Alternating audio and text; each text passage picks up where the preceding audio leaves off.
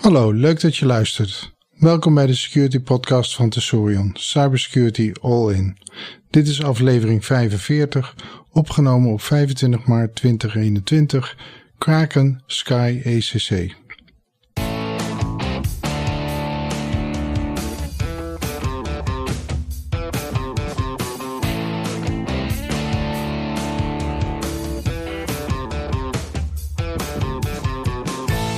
In deze aflevering bespreken we het recente security nieuws.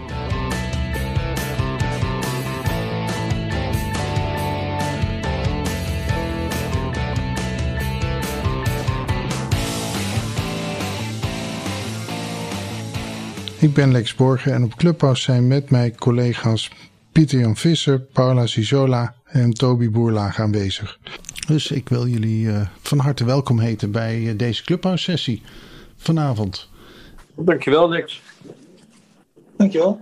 Ik heb vier onderwerpjes op de agenda gezet om van gedachten over te wisselen. En het eerste onderwerpje is het uh, kraken van uh, Sky ECC. He, het is eigenlijk weer een netwerk uh, wat door de politie opgerold is. En daarmee een stuk criminele activiteit van de tafel geveegd is. hebben jullie het ook kunnen volgen? Ja, ja ik, heb, ik heb erover gelezen. Ik vond het eigenlijk wel indrukwekkend. Met name dat, er zo, dat het tot ontzettend veel actie heeft kunnen leiden. Dat het zoveel dingen heeft, uh, inzichtelijk heeft gemaakt en netwerken heeft blootgelegd. Ja, dus en wat ook natuurlijk bijzonder is, is dat op het moment dat je dit openlegt, dan denken de criminelen dat ze nog onbespied uh, kunnen werken, maar dat is het niet meer, hè? Nee, en ik, ik begrijp ook dat er een afweging is gemaakt van hoe lang kan je dit nou door laten gaan. Uh, je weet dat er criminele zaken gepland staan. Op het moment dat je ingrijpt, dan laat je weten dat je, dat je ze door hebt, dat je gekraakt hebt. En als je het geheim wil houden, dan, uh, ja, dan moet je die criminele zaken door laten gaan. Dat is sowieso het uh, dilemma van de politie bij dit soort undercover acties. Ja ja, hoe, hoe lang uh, ga je hiermee door? Ga je ook hier hè, ga je handel stimuleren? Ga, hè, dan heb je weer gevaar van uitlokking. Op het moment dat je een heel netwerk blootlegt, dan heb je ook inzicht in al het verkeer. In plaats van dat je in, binnengedrokken bent in uh, één rovershol. Ja. Ik vond het bericht van de, de Belgische politie heel opvallend. Dat ze dus nou bang zijn dat er zoveel informatie uh, blootgelegd is. Dat ze gewoon te weinig politiekracht hebben om het allemaal uh, uit te zoeken en op te volgen. Ja. ja. Maar wat je zegt Lex is uh, dat je dus eigenlijk al het verkeer kunt lezen. En is dat niet in, het kader van privacy niet een, niet een probleem? Dat dan? Ik wil er inderdaad uh, ook een haakje op gooien. Want er is natuurlijk een movement binnen de politiek om encryptie te verzwakken en zodanig ja, de politie uh, ingangen te geven in uh, criminele netwerken als nodig. Dit laat dan weer zien dat ja, als, als je dat hebt, dan zou dat best wel heel nuttig kunnen zijn. Nou, ik ben wel heel benieuwd. Hè. Hoe, hoeveel mensen die gebruiken dit Sky ACC voor niet-criminele doeleinden? De, de encryptie die wij gebruiken om, om berichten met elkaar te uit te wisselen of om een rapport naar een klant te sturen. Hè, dat heeft, daar zit geen criminele in, uh, in, intentie achter. Ik, ik weet het niet precies, maar ik, ik krijg toch erg sterk de indruk dat, uh, dat zowel de EncroChat als dit uh, Sky, dat dat toch vooral iets is wat gemaakt is bedoeld is voor criminelen. Ik geloof dat je 2000 euro per jaar voor zo'n dienst betaalt. Ja. Dat ga ik niet betalen voor een telefoonabonnementje.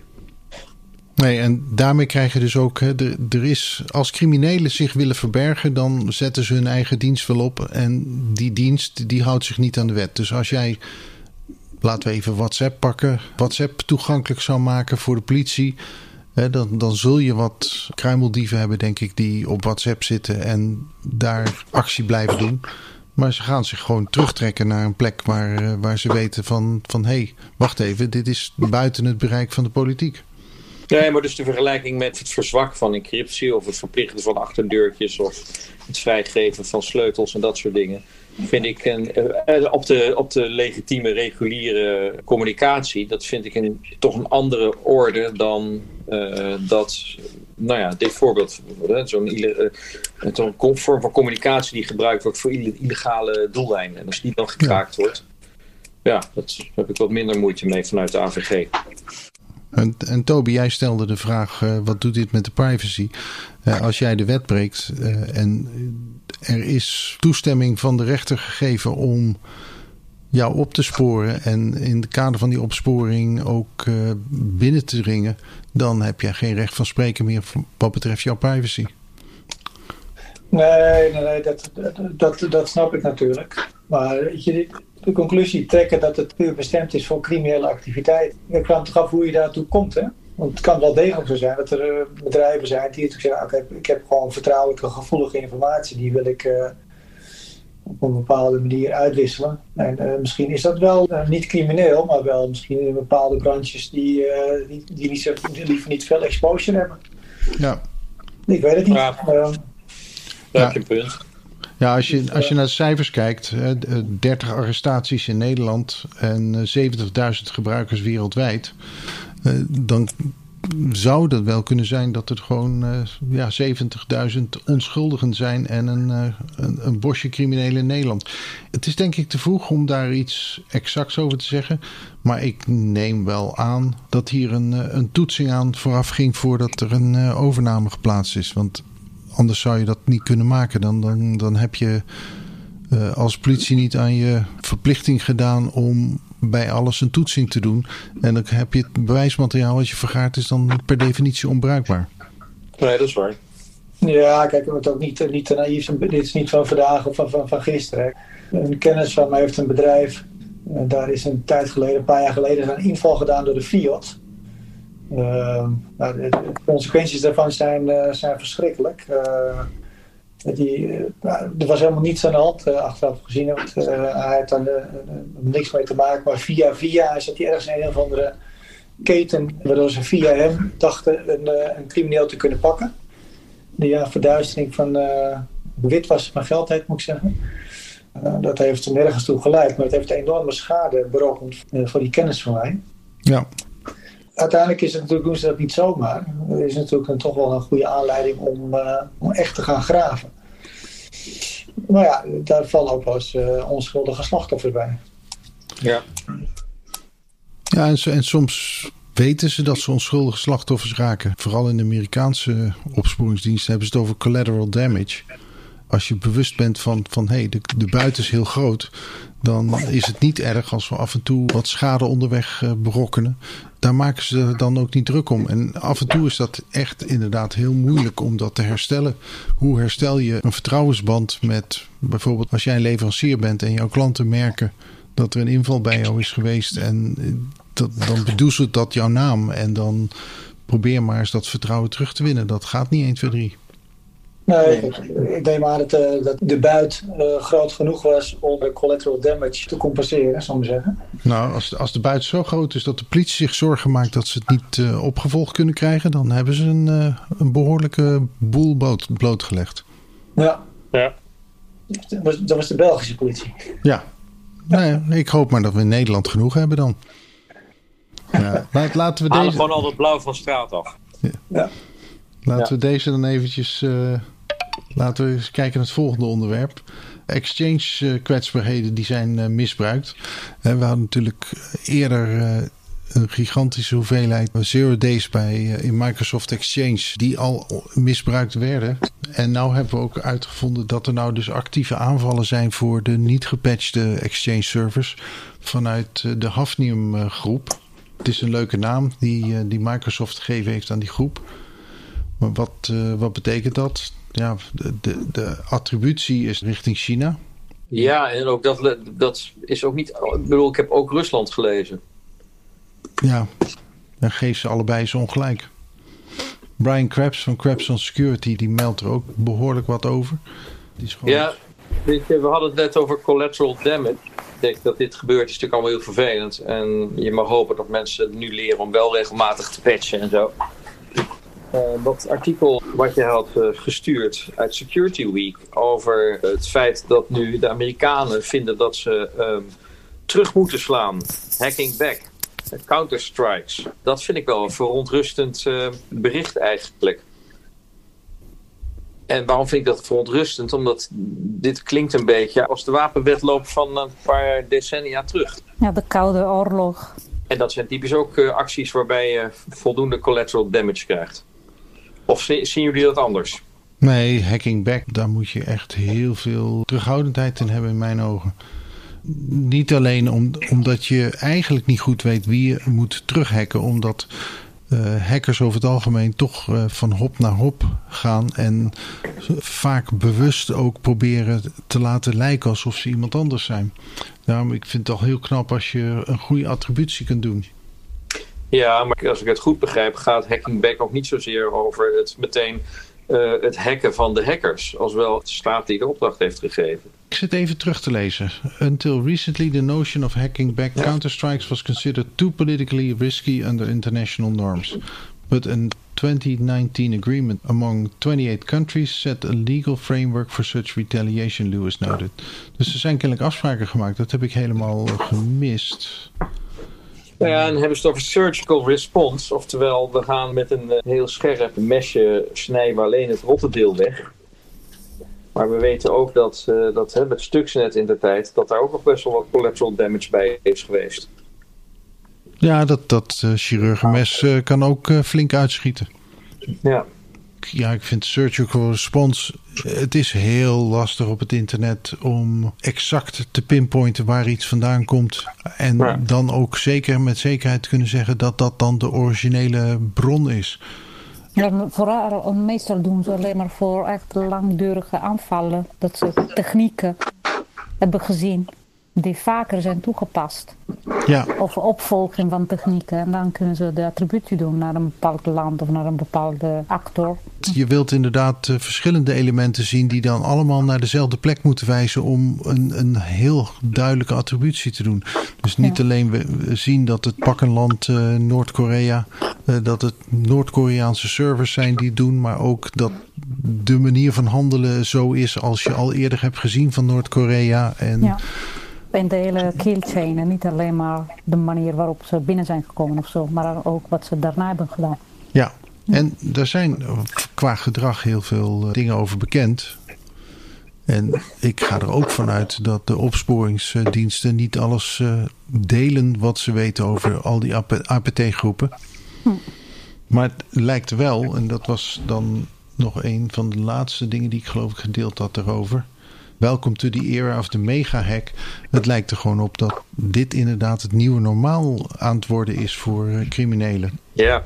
Dat je dus inderdaad gewoon... Hoe moeten we die titel interpreteren? Want is het een mega hack of is het gewoon zo dat er zo ontzettend veel mensen nu gebruik maken van dezezelfde software? Dat het zo wijdverbreid is in onze wereld dat, dat als je dat kunt hacken, dat je het ook meteen heel breed kunt hacken? Ik denk allebei. We hebben software die zo breed gebruikt wordt. Hè. Exchange is natuurlijk iets dat ja. zo ontzettend breed uh, gebruikt wordt dat het op het moment dat jij daar een notepatch op hebt, dat er niet tegenop te patchen valt en dat je dus waarschijnlijk een, een groot deel uh, te laat bereikt.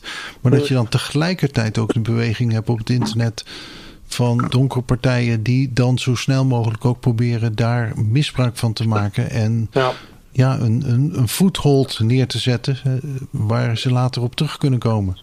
Ja, het is denk ik het nieuwe normaal, om zo maar te noemen. Hier moeten we rekening mee houden. Ja. Vraag is wat je er tegen kunt doen. Ik vind het heel lastig. Je zou nog steeds denken dat als jij een stukje goed geplande beveiliging hebt met meerlaags uh, beschermmaatregelen in je infrastructuur. Dat je niet zo kwetsbaar zou mogen zijn dat één kwetsbaarheid van een uh, Exchange server jouw complete omgeving onbetrouwbaar maakt.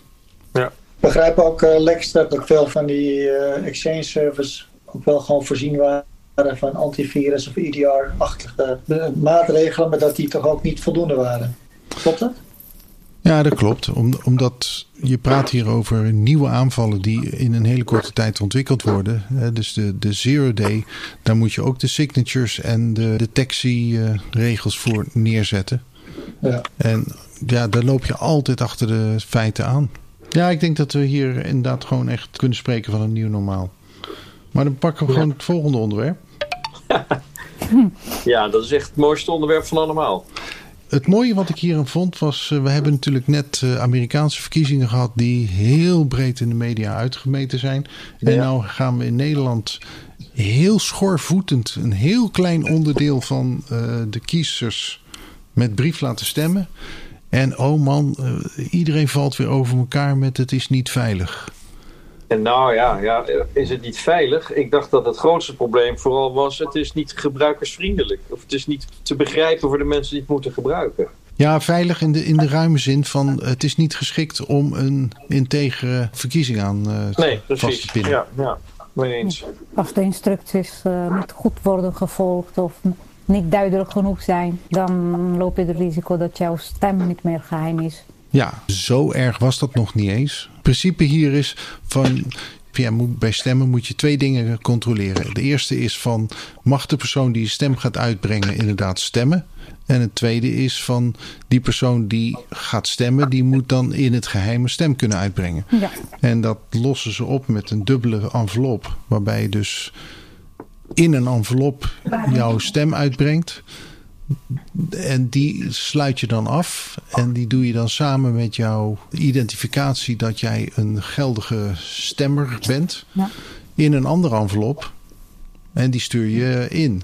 Wat nou als iemand dat niet gedaan heeft? Dan is niet per se. Hè, de, de, mensen weten groot, goed genoeg dat je alles in één envelop kunt stoppen. En dat je dat dicht moet doen. En de post weet goed genoeg dat ze dat uh, niet open mogen maken. En daar hebben we allerlei wetten tegen. Dus dat valt wel mee. Dus uh, aan zich, als jij je stem en je kiezersidentificatie in dezelfde envelop hebt zitten grosso modo is je stem nog steeds geheim. Behalve als degene die de envelop opent. Die twee dingen naast elkaar gaat houden en notities gaat maken van... oh, wacht even, meneer Jansen heeft toch echt wel op uh, Partij van de Dieren gestemd. Ja, ja. nou, ik, ik ken iemand die heeft dat stemmen tellen gedaan van die enveloppen. Er was er eentje die maakte het hem wel heel, heel erg makkelijk. Die, uh, iemand had zijn pinpas er ook maar bij gestopt voor het gemak. Oh jeetje. Serieus? ja. Ja, ik stem natuurlijk al tien jaar op deze manier. Uh, omdat ik naar het buitenland moet stemmen. is het systeem precies hetzelfde. Eén envelop en er staat duidelijk hier alleen maar stembiljet. Hier alleen maar jouw stempas. Uh, en dan alles bij elkaar. En dan op, in de grote envelop terugsturen. Dus het is volgens mij een kwestie van wennen en een goed uitleggen. Volgens mij, Pieter Jan, heb jij dat ook gezien in de krant. Was een heel klein artikeltje waar uh, de, de user-friendliness van de gekozen oplossing was Mhm. getoetst. Met ook een, een voorstel uh, om het volgende keer beter te doen door het onmogelijk maken om het verkeerd te doen.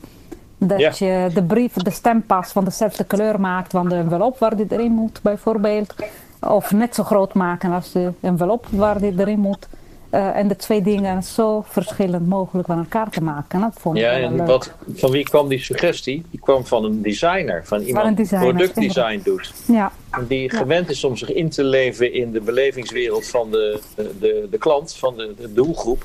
ja, En, en dan na te denken van wat zou voor die mensen werken. En dus het, het- ik vind het zo onvoorstelbaar dat dat niet gedaan is. Ik begrijp dat er ergens in november of zo, of december, met twaalf mensen op het ministerie getest is.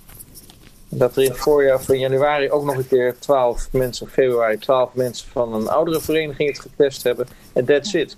Ja. Hoe kan dat? ja. Er dat, wordt eh, dezelfde fout steeds opnieuw eh, gemaakt. In plaats van multidisciplinaire teams te maken wat ingeburgerd is in andere disciplines. Ja, er, Ja. er is geen doelgroeptest gedaan. En in dit geval is de doelgroep natuurlijk een van de moeilijkere doelgroepen voor nieuwe procedures met, met ingewikkelde instructies. Dan namelijk eh, als de 70-plussers. Daar hebben we het de vorige keer ook al over gehad met eh, bankphishing. Daar mag je wat extra aandacht aan geven. Dat je het voor hun ja, zo goed mogelijk begeleidt en documenteert en simpel maakt. Ja, Maar wordt het niet te staat dat we dit gewoon, eh, gewoon online kunnen gaan stemmen, jongens? Want eh, eh, als je tegenwoordig als je 80 jaar bent, moet je toch ook gewoon online bankieren. Ja maar het optuigen van zo'n systeem. Het online stemmen hebben we twintig jaar geleden geprobeerd. Hè? En dat was eh, gigantisch mislukt. Het is zo moeilijk om in je online stem die twee stappen gewoon goed te doen.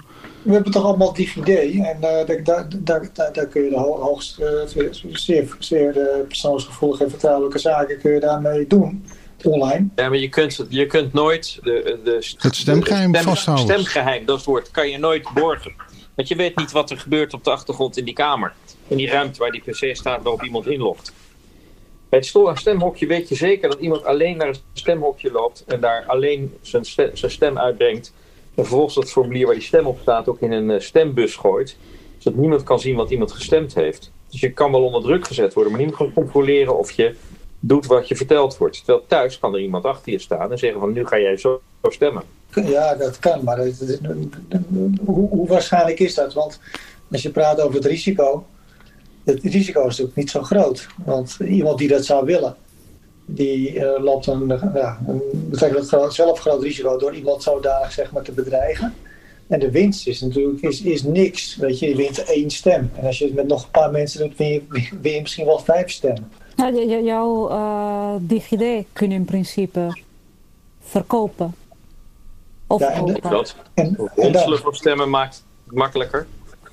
Ja, in andere landen is er een hele grote uh, markt aan stemmen, zeg maar. Dan wordt jouw stem veranderd voor um, geld, voor een baan, voor beloftes. Ja, maar dat, dat, ja. dat, kan toch, dat kan toch net zo goed met, met, met gewoon normaal stemmen. Ik kan toch ook zeggen, tegen mij zeggen, als ik je een tientje ja. geef, stem je dan op uh, Partij voor de Dieren?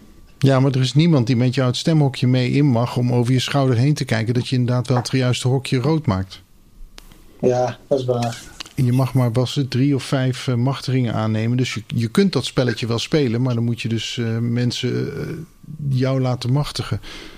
En ja, dat, dat werd ook gedaan. Hè. Er waren wijken waarin stemmen opgeronseld werden. Dus, dus gewoon waarbij je aan de deur zo ongeveer verplicht werd om je machtiging te tekenen. En dus, dus je stemrecht in feite over te doen aan iemand anders. Maar dit, dit is meer dan de veiligheid van briefstemmen. Dan gaan we echt helemaal in op de veiligheid van stemmen aan zich. Ja. En dat is best wel een heel ingewikkeld proces. En ik, toen wij afgingen van het stemmen per computer, en dat was stemmen per computer in het stemlokaal, en we gingen terug naar het rode potlood. Toen heb ik een avond stemmen geteld. En toen heb ik echt wel waardering gekregen voor het feit dat dat twee processen zijn. Namelijk het controleren van de kiezer. En vervolgens een heel ander uh, papieren proces wat zegt van en wat heeft die kiezer dan gekozen. En het feit dat je die allebei kunt controleren, los van elkaar. Je kunt een 100% controle doen. Uh, je kunt ze allebei kloppend verklaren. En als je dat op een of andere manier online en op computers neerzet, dan gaan die twee door elkaar heen lopen. En dan zijn er momenten waarbij je kunt zeggen van nou, ik wil gewoon weten dat, uh, hoe de mensen in deze straat gestemd hebben. Of ik, wil, ik kan nou te weten komen hoe de mensen die in een bepaald tijdvak gestemd hebben. En uiteindelijk hè, kun je inzoomen op een oncomfortabele enkeling. Ja. Maar ja, dit soort ja. dingen zijn lastig. Ik begreep dat in, uiteindelijk de impact ook uh, verwaarloosbaar is geweest, toch? Ja, doordat we inderdaad zo voorzichtig zijn geweest met het aantal uh, briefstemmers uh, goed te keuren. Ja, je hooguit een, uh, verschuiving zou hebben van, van een zetel of wat.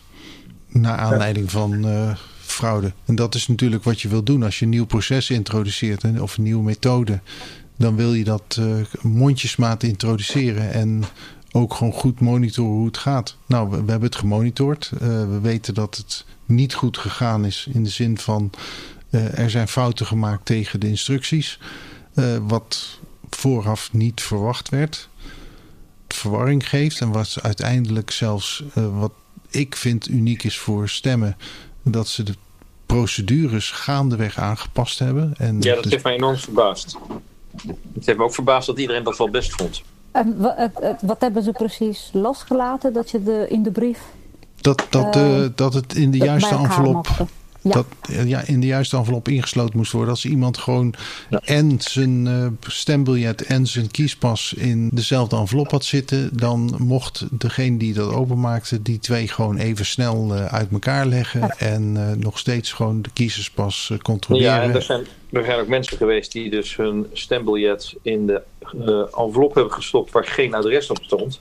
En die op de bus hebben gegooid. Oh ja. Eh, die zijn ook uiteindelijk natuurlijk wel ergens terechtgekomen. Want de, die, ondanks dat er geen adres op staat, herken je het wel als een eh, Ja, Ja. stembrief. En die zijn uiteindelijk ook meegenomen, de tellingen. ja. Ja. Maar wat ik op dat Nou, avondje van stemmen tellen zelf geleerd heb, eh, daar hadden we twee stembiljetten die technisch gezien eh, niet geldig waren, omdat er meer dan één hokje rood gemaakt was. Ja? Maar dat er dus gewoon door de voorzitter van het stembureau aan de groep gevraagd werd van ja, is het voor jullie duidelijk wat hier gestemd is? En dat, dat leek dus, eh een daarvan leek gewoon iemand die met zijn potlood onvoorzichtig was geweest of uitgeschoten was geweest. En er stond dus wel een lukraak rode kras op het biljet. Maar het was heel duidelijk eh, gewoon dat er één hokje rood was gemaakt en dus op wie er gestemd was. Ja. En we hebben daarvan ook gezegd van dat is een geldige stem in onze ogen. Dus daar hebben we gewoon andere, als groep een redelijkheidsbeslissing over gemaakt. Ja. En dat wordt dan op het eh, procesverbaal van, eh, van het stembureau eh, vermeld. En de stem wordt geteld. Er komen in Nederland geen partijen verantwoordelijk of toezichthouders controleren bij het openen van de. Het is niet zoals in Amerika dat je dus observatoren kunt hebben van de verschillende partijen. Maar je kunt wel als burger observator zijn bij het hele Ja. telproces. En je kunt Ja. zelfs deelnemen aan het telproces. Eh, Dat ja, is... dat, dat weet ik wel. Ja, want het, het- zo'n stem, hoewel, dat duidelijk, hoewel duidelijk is wat de, de persoon zou willen stemmen, zou dan in Italië niet worden geaccepteerd. Omdat je dan een markering is wat de stembiljet herkenbaar zou kunnen maken van iemand die aan het tellen is en die denkt, oké, de stem van die persoon, die is binnen en Ja. die is correct, omdat ik dan eh, die markering met hem van tevoren had afgesproken. Dus ze mogen ge- helemaal niks hebben anders dan de rode kruis op de juiste plek. Klopt, dat is de, de reden hiervan. Oh jee, ik maak al die jaren altijd al een rondje in plaats van een kruis. Nou, oké, als je maar iets, eh, het staat ook duidelijk wat, je, wat voor markering je kunt doen, Ja. toch? Ja, ja, ja. Ja. Een rondje of een kruis of. eh, hm. Moet het rondje rood maken. Ja. Nou, we hebben er dit jaar allemaal een stempotlood aan overgehouden. Ik wel. Ja. Maar ik vond het een beetje jammer, want het was ehm, niet herkenbaar als een stempotlood. Anders dan bijvoorbeeld dat het rood was. Ja, maar als we daar nog een opdruk op gaan zetten, dan wordt die veel meer dan 3 cent per stem. Die zijn er ook. En die, zijn, die waren meteen al heel snel op Marktplaats te koop ook. Dat waren herkenbare stempotloden. Bijzonder. Ja. Van de coronatijd. Hm. Ja. En omdat we toch in het, hokje zaten van eh, stemmen en veiligheid. Ik liep tegen een verhaaltje aan van eh, de Amerikaanse high schools. Waar ja. Het is een, eh, ieder een mooie jaar, uitsmijter. Ja. Waar ieder jaar dus weer eh, t- twee koninginnen worden gekozen gedurende het schooljaar. Aan het begin van het schooljaar de homecoming queen en aan het eind van het schooljaar de prom queen. En dat zijn heel erg statusgevende posities die begeerd zijn door dames. Dat blijkt dus ook van, van ja, daar heb je stemmen voor nodig. Je moet verkozen worden. Het is puur een, een populariteitsstrijd.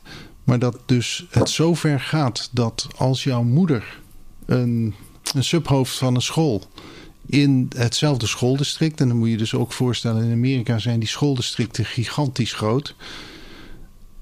En die hebben dus eh, hun eigen leerlingvolgsystemen. En dat je dus gewoon eh, de inlogcode krijgt van het volgsysteem van, eh, van, van je moeder. En dan daarin mensen kunt beïnvloeden door ze Ja. cijfers te vertellen. Nou ja, en ze heeft dus op zichzelf gestemd eh, samen met haar moeder eh, met behulp van de accounts van anderen. Ja, Door in te loggen als, als leer- andere leerlingen. Ja, Briljant. Ja, dat is, dat is een andere mogelijkheid van elektronisch stemmen. Hè. Dan, eh, als je ziet dat iemand zijn stem ongebruikt laat, dan kun je die inpikken. En hoe is het ontdekt? Ja, voor wat ik begrijp is dat er sowieso al wat achterdocht ont- ontstond omdat ze nogal veel stemmen had gekregen. En dat ze er zelf ook wel wat op gehind heeft. Uh, dus een beetje heeft lopen opscheppen. uh, okay. Dat is meestal zo. Hè? Mensen worden vaak betrapt omdat ze, ze hun mond niet kunnen houden. Of omdat ze opeens in het grote auto rijden. Of ik dat soort dingen. Ja. Maar uh, wat, ik, wat ik hier altijd wel vrij, wat mij opviel en wat ik ook alweer heel erg kwalijk vond. Het, gaat natuurlijk heel erg nu over dat er iemand onterecht tot homecoming queen gekozen is en zo. Maar het is ook wel bijzonder dat je als lerares van de lagere school, want dat is haar moeder, dus blijkbaar toegang hebt tot alle dossiers van de middelbare school. Juist. Hij denk ik. Ja. Dat vond ik ook wel heel bijzonder. Wij kennen toch wel zoiets als regels, regels rondom privacy. Dat je vooral alleen toegang hebt tot die informatie die je ook echt nodig hebt. Ja. En dit lijkt me niet echt nodig. Nee, en sterker nog, eh, in die volgsystemen staat anders dan in Nederland ook heel veel medische informatie. Ik zag het, ja. Ja, ook medische informatie. Ja. Van de leerlingen. Ja. Van de leerlingen. En daar heb je dus als lerares van de basisschool heb je blijkbaar toegang tot dossiers van leerlingen uit de middelbare, van de middelbare school. Ja, zoals adjunct hè, van een school. Dus, van de eh, basisschool, ja. ja. ja. Dus uh, dat, dat geeft waarschijnlijk nou. iets meer rechten, denk, denk ik. Hoop ik. Ja, want in Nederland is ook, ik weet het niet precies hoe het zit. Maar op het moment dat jouw kind in het laatste jaar van de basisschool is, krijgt de middelbare school ook toegang tot het dossier van het kind. Voor de warme overdracht.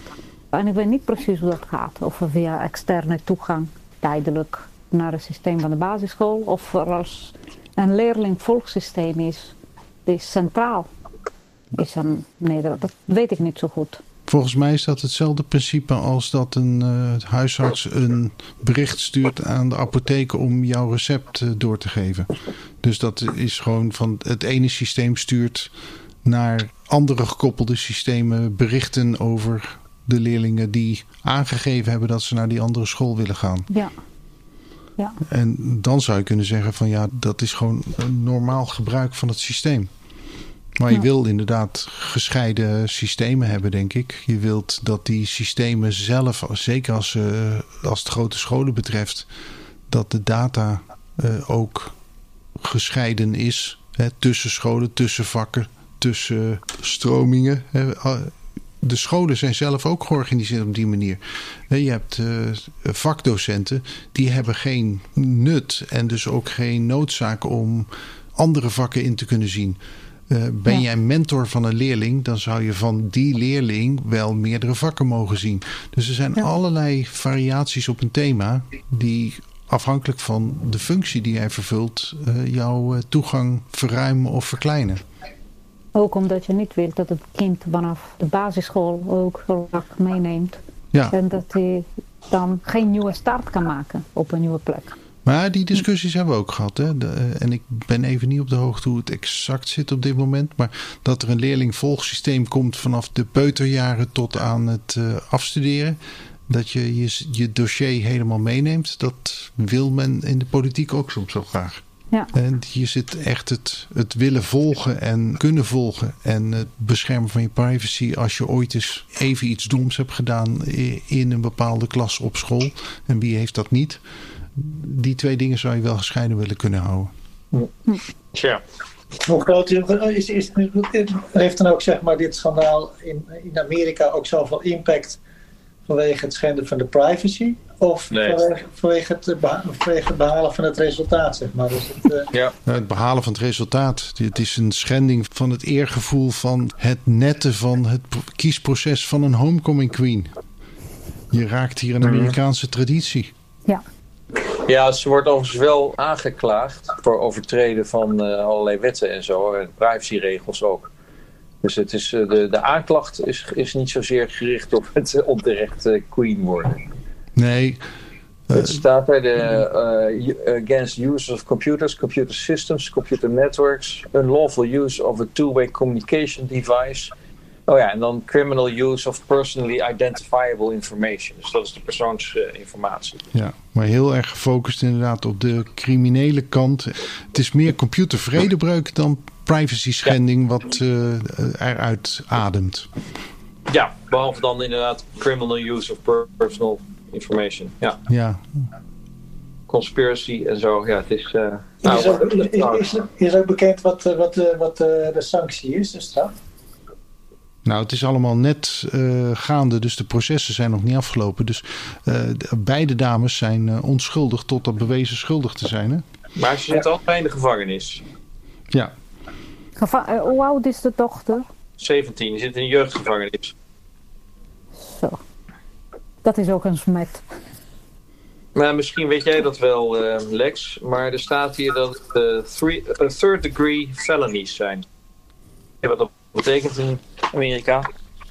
Nou, een felony is een uh, crimineel vergrijp. En ik, uh, ik, over de degrees uh, weet ik niet. Zover ben je nooit gekomen. ik ben geen ervaringsdeskundige, nee. nou, mooi. Het is een mooi verhaal. Ja, zeker weten, ja. ja. Is dat, ik zou zeggen, in Nederland ondenkbaar. Maar weet ja. niet zo goed. Ja, wij hebben dit soort tradities niet. Maar ja, wij hebben andere tradities zoals uh, carnaval en zo. Tramerace. Ja, bij ons worden nog wel eens uh, examens gestolen voordat ze... Hè, als ze oh ja, dat, dat, hebben we ook nog eens. Dat soort dingen. Ja, ja en, en, eigenlijk weet je niet precies wat er allemaal gebeurt. Hè? Op, op, op hogescholen, universiteiten met cijferlijsten en dingen die gehackt worden. Dat... Uh, hey jongens, we gaan er een einde aan breiden voor uh, vandaag. Ik, ik, dank jullie ontzettend voor het uh, deelnemen aan dit gesprek.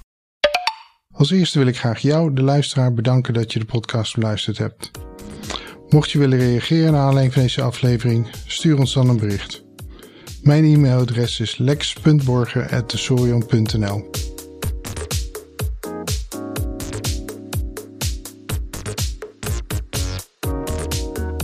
Wij zijn werkzaam bij Tesorion. Onze website is www.tesorion.nl. Deze podcast komt maandelijks uit.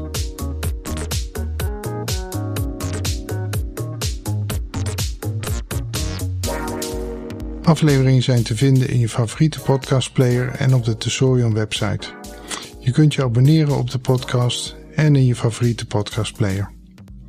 Als je daar bent, geef ons ook een waardering en een beoordeling. Dank je.